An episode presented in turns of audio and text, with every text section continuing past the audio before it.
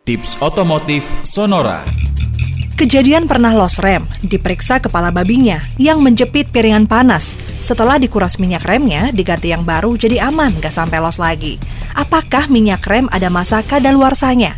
Bebin Juana, narasumber acara klinik otomotif Sonora, menjelaskan. Dan saya sudah pernah berbagi cerita pengalaman pribadi yang saya di warning sama kepala bagian servis dari Land Rover mobilnya baru jalan 7000 kilo. Ingat nggak cerita saya? Mobilnya baru jalan 7000 kilo, tapi sudah 4 tahun.